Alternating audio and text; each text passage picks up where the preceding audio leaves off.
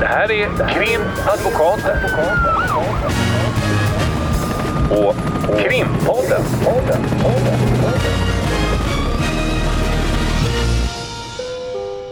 Parter och ombud kallas till sal 32.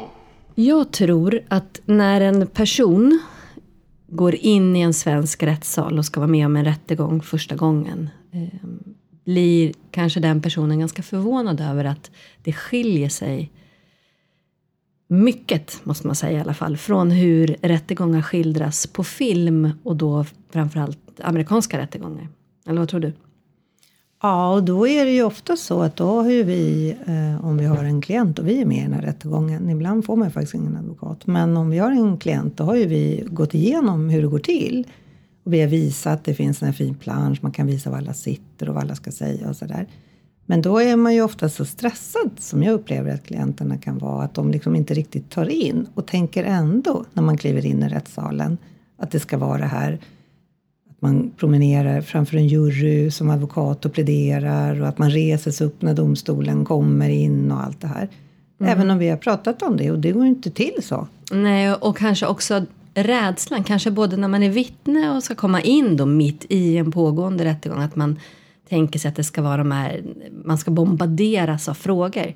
Ibland blir man ju det även i, svenskt, eh, i en svensk rättegång ska sägas. Men på film så skildras det ju väldigt sådär att advokaten kan hänga över båset och stirra en blint i ögonen och så. Och så går det ju verkligen inte till. Nej, då kan man också tänka så här att eh, eh, det är ju om man jämför med en, en, liksom en film, rättegångsfilm, då, är, då kan det ju verka som att det är ganska liksom kameralt och tråkigt och grått och, och trist och alla bara sitter ner och bläddrar med sina papper. Men den här nerven som finns i alla rättegångar, mm. i stort sett alla rättegångar vi är med i, det är ju en väldig nerv och man är väldigt på helspänn som advokat därför mm. att man kan aldrig riktigt veta vad som ska hända och man måste vara otroligt receptiv.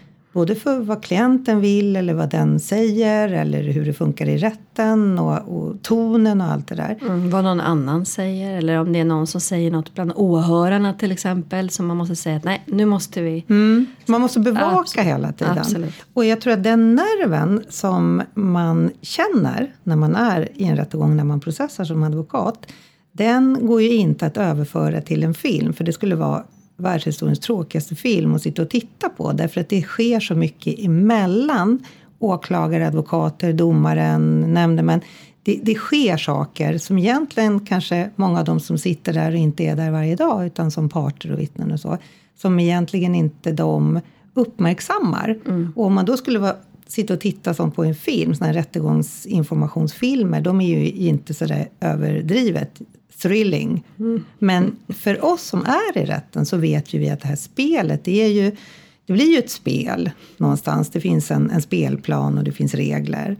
Och då, eh, det svävar hela tiden över rättssalen men det kanske inte alltid uppmärksammas av de som är parter. Nej, därför att man kan ju säga att den, oftast i alla fall den generella stämningen är ju relativt lugn, saklig och eh, ja, man, man, kan väl säga respektfull. Det, det är väl ändå en, en, strävan tror jag, även om det inte alltid efterlevs.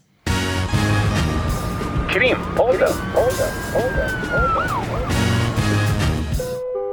Det här har vi pratat om massa gånger, att vi är ju liksom, vi är en del av, vi är en del av hur liksom demokratin kommer till uttryck. Vi är en del av rättsmaskineriet. Mm. Som advokat är man en del av det. Även om vi har egna firmer och vi företräder enbart våra klienter så är vi en del av det hela. Och när man, det kan ju kännas som att det, står, det ena står i strid mot det andra. Man ska vara med sin klient och man ska försvara sin klient och man ska stå upp för den och allt det där. Mm. Samtidigt så är man en del av ett större maskineri. Mm. Hur förklarar du det när du snackar med dina klienter? Eller på något sätt utstrålar det? Eller hur? Eh, till klienterna tror jag sällan att man eh, konfronterar dem, de frågorna. Men däremot den, de här frågorna, men hur kan du försvara eller hur kan du? Där tycker jag oftast att jag återkommer till det, att man är en del av att bevara en, en demokratisk process och att bevara rättssäkerheten. Och just att man är den här delen då i ett, i ett maskineri som är så otroligt viktigt att ändå bevara på. Och där tycker jag att det är intressant för att när man, om man har en klient som, som kanske inte haft advokat i början av processen, har varit på förhör eller hur den ser ut med den saken så kan det vara så att då, då kan klienten ibland säga Oh, jag försökte kontakta Annika och, och, och, och då svarade Annika till mig att jag måste ringa till Peter. i- Och då har jag ibland så här innan man snappar läget, då menar de Annika det är åklagaren och Peter det är han som jobbar i domstolen. Och då förstår man ju att klienterna ser det inte som ett rättsmaskineri utan de ser det ju som enskilda parter. Medan för oss som jobbar i det här så ser ju inte vi åklagaren som någon Annika eller vad man nu kan tänka sig utan vi ser det som åklagaren. De är ju människor och vi är människor. Vi är advokater, vi är försvararen. De är åklagaren, det där är rätten, det är rättens ordförande. Vi håller inte på att prata om förnamn. Och också ganska, tycker jag, lite skönt att det är parterna. Vi är olika parter i, i, i samma rättegång och i samma maskineri.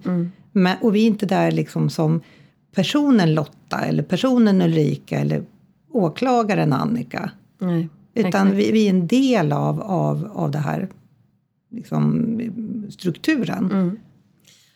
Och, och jag tror att oftast är det ju så att jag, jag tror i alla fall att de flesta då av parterna är medvetna om den del man är i den här processen och, och hur viktig just den delen är. Men som vi oftast pratar om också när man kommer tillbaka från en rättegång där man tycker kanske att en ordförande har betett sig på ett sätt som eh, man kan ha reagerat på eller en åklagare för den delen. Där eller en försvarare ibland. Ja, eller en försvarare, en medförsvarare eller ett målsägande beträde. Och själv gör vi aldrig fel. Aldrig, aldrig.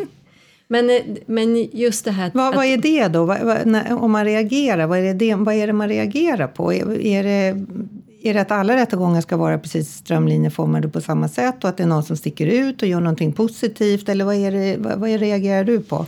Eh, jag reagerar nog mycket på när det är en, en disrespekt om man säger mot klienten. Alltså när man kanske blir avsnäst av en ordförande och jag kan tycka att det är kanske lite väl om man har en ungdom till exempel. Eller när, när det blir en tillsägelse på ett sätt som inte har grund. När det, det är bara dåligt humör. Och jag menar som du sa, alla är ju människor och ibland skiner det igenom.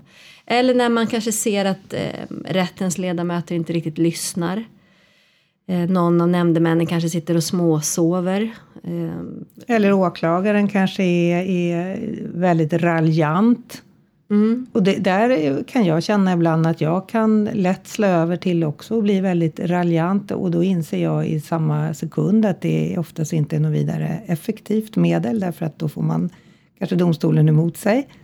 Men det, och det, på något sätt så är det, det låter ju så pompöst att säga att alla ska behandlas med respekt och vi ska behandla alla lika. Men någonstans så är det ju så att om du kliver in i en rättssal första gången och är kanske åtalad för ett väldigt allvarligt brott men liksom inte har varit med i de här sammanhangen tidigare och blir tillsagd knappt innan du hinner sätta dig när du precis ska ta av dig din keps, att du ska ta av dig kepsen. Då, blir man ju, då drar man ju mattan under den personens självförtroende och, och påverkar också när den precis är på väg att göra det. Och då kan man ju heller inte som försvarare säga, men han var ju precis på väg att ta av sig den. Jag har ju redan sagt att han ska göra det. nej. Men, men det skadar liksom förtroendet för, rätt, för domstolen på något sätt när man blir, får en snyting direkt när man kliver in. Ja, det kan också skapa reaktioner hos klienten som, som sen kanske inte är bra i hur man svarar på frågor och hur man ser på Ja, det blir anti. Ja, exakt. Men det, det finns ju andra saker också. Det kan ju vara till exempel en ordförande eller en åklagare som är arg på försvaret av olika anledningar. Till exempel att ja, men var det där verkligen nödvändigt? Eller jaha, kommer du och lämnar in den där bevisningen nu i det här läget och så vidare. Och att det blir någon sorts vuxenbråk. Som jag också kan tycka är Mm. Eller ganska partsbråk. Ja, partsbråk. Ja, där, där, den, där de som är, är huvudpersoner i rättegången är eh, den som är tilltalad och den, Mm. om det finns en målsägande, målsäganden. Det är de som den här processen är till för i första hand. Mm. Medan när det blir det här eh, vuxenbråket eller parts, alltså vi som är, är där varje dag. Mm.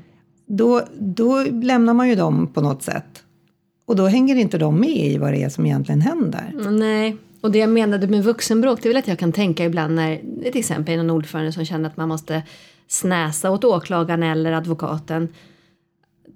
Och, och vi har ungdomar som parter inblandade i en process så kan jag tycka att vi måste föregå med gott exempel. Alltså, vi kan inte sitta där och fördöma olika ageranden hos ungdomarna och sen hålla på med det själva i, i den här Nej. reglerade processen. Det blir ju väldigt fel. Jag tror, att, jag tror att vi som jobbar så nära med klienterna och med, med människorna om man säger som ju domstolen de iakttar och ska göra sin bedömning.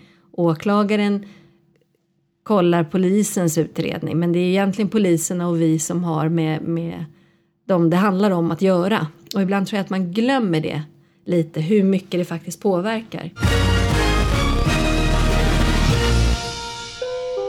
Ja, och problemet är också att om, om det är en ordförande eh, eller för den delen en advokat eller en åklagare som beter sig på ett sätt som, som man själv upplever inte känns okej. då eh, känner jag som då en del av det här att det är inte självklart för mig att jag säger till klienten i en paus Ja, det var ju väldigt dumt av ordföranden att säga på det där viset. Eller åklagaren beter sig på ett sätt som inte är okej. Därför att vi är ju också en del i det. Så att då går man ju inte direkt ut och, och försöker att verbalt kölhala någon motpart eller någon domstol. Utan man försöker på något sätt stå för det här och istället slå tillbaka på något milt sätt förhoppningsvis inne i rättssalen. Men det här kan ju, då kan det också trappas upp och det blir det här vuxenbråket. Ja, ja det, det är intressant. Och nu började vi med att säga att det är väldigt mycket lugnare och så vidare. Men Det är, sånt liksom, här på- det är händer lite ju mera, givetvis. vad ska man säga, att det är mera på en så här mullrande nivå Mm. snarare. Och när det blir de här, i vissa mål blir det ju ganska starka känslor även mellan då, när jag säger parter så menar jag ju ombuden, det vill säga åklagaren, advokaten och, och även domstolens ordförande.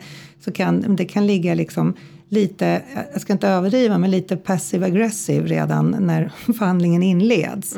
Och det, det påverkar hela förhandlingsdagen eller dagarna. Därför är det, tycker jag, när man har en, en bra ordförande som på något sätt inleder med att att visa respekt för alla parter genom att ge lika mycket tid för alla och, och, och lika lite tid för alla. Att det ska vara rättvist någonstans men att det ska vara att ordföranden inte går in när det är obefogat men också liksom tydligt leder rättegången.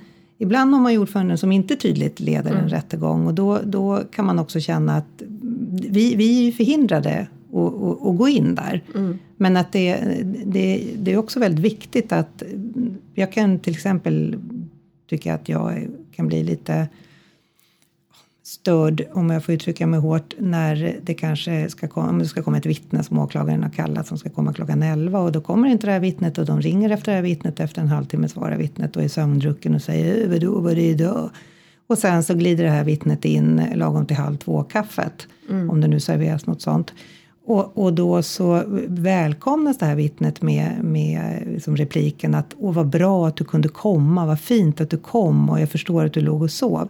Då kan jag känna så här, men vi är ju med i det här maskineriet. Det är ju inte okej att vittnen glider in och, och, och missar och, och, och kommer för sent och det är en massa kostnader. Ja, och sen är det ju ganska märkligt dubbla budskap med tanke på att du kallas sig som vittne med vitesföreläggande, det vill säga kommer du inte, ja, då får du kanske betala 4 000 spänn om du inte kan visa varför du inte kommer. Så det, är ju, det blir ju också konstigt, då är man väldigt hård i kallelsen. Och kommer du inte, då kan du få böter om du inte kan visa på, ge in ett läkarintyg och så vidare. Men sen om man då dyker upp flera timmar för sent så, så kan det bli, åh vad, vad väldigt bra. Och, nej, det, Men det är ju också en balansgång för att det, det passar ju inte heller bra då om, om man får en sån här äh, snäsning direkt när man kommer för det kan ju också påverka vittnesmålet. Men jag tänker att i, i de här situationerna så är det ju i alla fall tycker jag att, att man ska försöka på något sätt vara neutral. Kanske inte välkomna med ett, ett, ett glädjeskutt över att vittnet kommer. Jag tror att neutral är nog ett ganska bra begrepp överhuvudtaget för rättens ledamöter. Och eh, eh, neutral, eh, alltså, Rättvis. behöver inte, ja, det behöver inte betyda mesigt och, Nej, och. Nej. Utan det, det, är, det, det är väl det, det låter så... respekt och respekt och så. Men, men ska man försöka behandla alla lika i en rättssal så är neutraliteten en, en ganska bra form för det. Mm. Neutralitet är ryggrad. Nu har vi pratat så länge så att vi eh, måste gå och jobba. Ja. Och eh, eh, vi kan säkert fortsätta att prata om hur det känns att vara eh, både som part, för det berättar ju våra klienter för oss, men också som vi är när vi är aktörer i rätten. Men kanske vid ett annat tillfälle, för vi ska ju vara det imorgon och då behöver vi förbereda oss. Så jag säger som vanligt, omvärlden, håll öronen öppna. Så hörs vi. Krimpodden.